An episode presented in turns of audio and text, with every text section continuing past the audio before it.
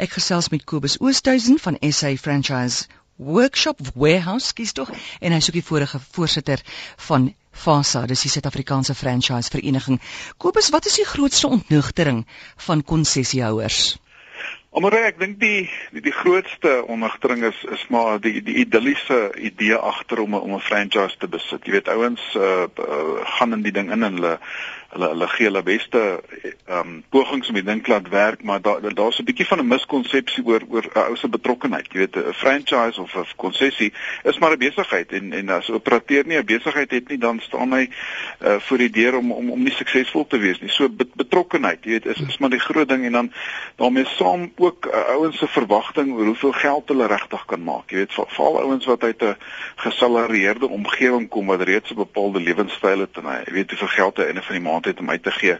Uh jy weet hy gaan nie noodwendig nou sy sy, sy lewensstandaard verlaag net omdat hy uh nou sy eie besigheid het nie wat wat wel behoort te gebeur. Maar jy weet ouens doen dit nie want weet jy weet die die die vlinders is daar en jy weet almal is opgewonde en die ding gaan mos nog geld maak. So ek hmm. dink verwagtinge oor die algemeen is is is bietjie te hoog en jy weet dit is belangrik dat uh, franchisor daai verwagtinge bietjie in toe moet hou voor hy met met 'n konsessie ehm um, konsessiehouer um, um, onderhandel. François vra, wat doen jy as jy as konsessiehouer bankrot speel? Kan jy gaan pleit by die groot die uh konsessie eienaar en sê help pa? Ehm um, weet jy dit, dit sal die eerste ding wees om te doen. Uh jy weet maar ek ek die die, die omstandighede gaan bepaal weet wat 'n ou se se se se se um, basis gaan wees. Jy weet enige besigheid of dit nou 'n konsessie is of nie, gaan bankrot oor bepaalde redes en dit kan een van 'n klomp goed wees. Jy weet so afhangende van van wat die onderliggende rede is. Jy weet die onderliggende rede kan wees dat die dat die dat die vraag vir die produk het verdwyn. Uh, dit kan ook wees dat die dat die dat die dat die dat die uh, um ek sê die die omliggende omstandighede rondom die besigheid het verander wat maak dat die besigheid nie meer winsgewend kan wees nie. Dit kan gebeur dat die dat die konsessiehouer self belangstelling in die besigheid verloor het. So daar kan 'n sweterreel redes wees oor hoekom die ding nie uh, winsgewend is en winsgewend ge geword het nie, maar uh, die, die eerste die eerste inkome is om na die franchisor toe te gaan en vir hom te te vra help. Jy weet hy sal hy sal sy sy mening daaroor gee en as hy dink dit is buite die die domein van die van die konsessiehouer gewees, dan dan behoort dit help. Jy weet dan behoort hy uh, gunstiglik teenoor die saak te wees.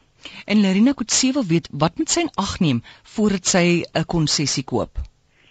Weet jy daar's daar's daar's een baie belangrike ding en dit is navorsing. Uh jy weet daar daar's niemand wat wat so goed weet hoe goed 'n konsessie werk as die bestaande konsessiehouers nie. So ek ek sê altyd vir ouens wat in die industrie wil ingaan, gaan praat met soveel as moontlik konsessiehouers wat reeds in die netwerk is, wat reeds weet hoe die hoe die produk werk, wat reeds die mentaliteit van die franchisor verstaan, uh wat wat veronderstel om te weet hoe winsgewend dit is en wat 'n geleenthede is. Hulle weet die beste. Jy weet 'n konsessiegewer, die franchise sorg mag dalk 'n meer rooskleurige prentjie uh, uh, skilder as wat as wat werklik die geval is. Maar sy konsessiehouers sal dit nie doen nie. Jy weet hulle hulle hulle sal normaalweg baie eerlik wees oor oor wat die stand van sake is.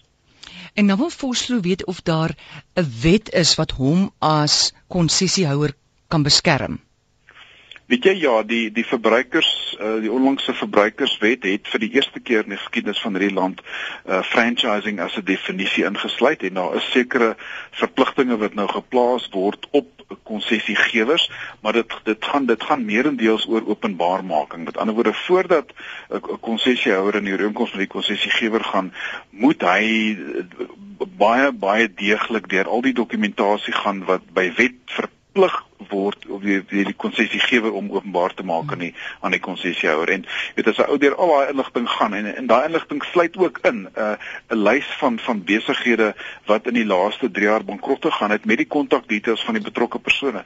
So daar's werklik niks meer en beter wat 'n ou kan doen as om ordentlike navorsing te doen en en soveel as moontlik tyd te vat en met soveel as moontlik ouens te gesels om te hoor wat die hoe winsgewend die die die die um, netwerk is nie. Hmm.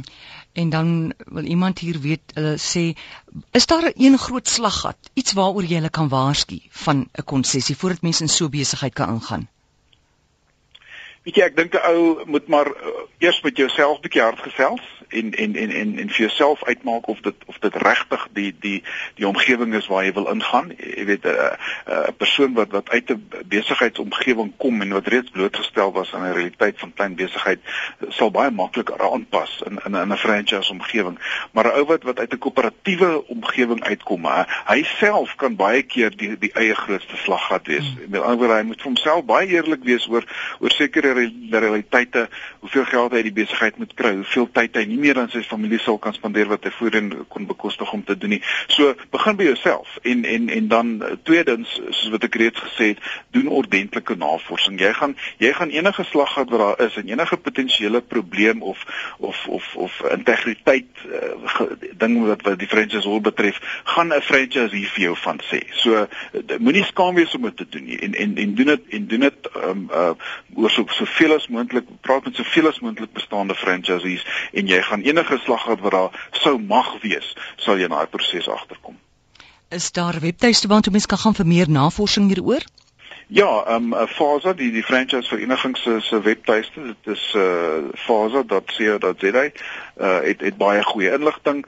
Uh maar uh, Google is is is is maar die ding. Jy weet daar daar's baie literatuur oor oor franchising in in die Suid-Afrikaanse omgewing ook en daar's baie leiding en baie raad wat wat ouens gee daaroor. So goeie navorsing, daar's daar's niks beter om te doen as om as om dentlike navorsing uh te doen buite die omgewing van die franchisor spesifieke dokumentasie nie want franchisor se dokumentasie is maar gerig om om sy geleentheid te verkoop. Dis maar 'n bemarkingsdokument en hy sal nie hy sal nie sommer praat van die van die van die van die van die onderkant van die besigheid in terme van hoe lank dit jou kan vat om om winsgewend te word en watter besigheid wede wel in die verlede dit nie gemaak het nie. En daai tipe goed moet ou net ordentlik navors. So gesels Kobus Oosthuizen van SA Franchise Warehouse